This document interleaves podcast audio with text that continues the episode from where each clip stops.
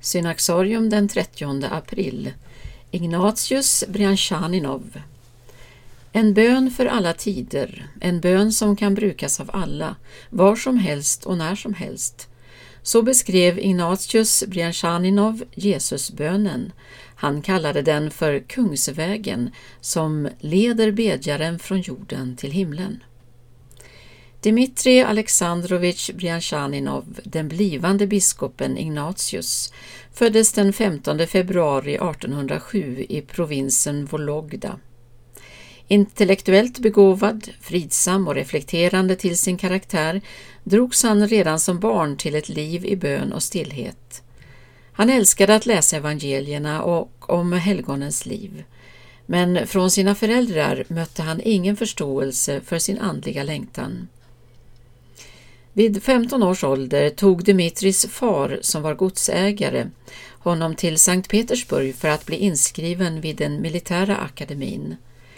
När hans far under resan frågade honom vad han ville göra när han blev vuxen svarade Dmitri ”Jag vill bli munk”. Svaret togs inte väl emot. Bland studenterna på akademin mötte han åtskilliga som delade hans andliga intressen och i stadens olika kloster lärde han känna lärjungar till den berömde staretsen Paisius Veleskovski som hade sammanställt den slaviska utgåvan av Filokalia. Han började gå till bikt och kommunion varje vecka, något som var ovanligt i den ryska kyrkan vid denna tid. Dmitrij avgick med högsta betyg och förväntades nu göra militär karriär, men blev på grund av sin bräckliga hälsa beviljad frisedel. Under de närmaste åren levde han som novis i flera olika kloster och 1831 vigdes han till munk och fick namnet Ignatius. En kort tid därefter ordinerades han till präst. Hösten 1833 kallade kejsar Nikolaus den förste på Ignatius och utnämnde honom till ledare för Sankt Sergius-klostret i utkanten av Sankt Petersburg.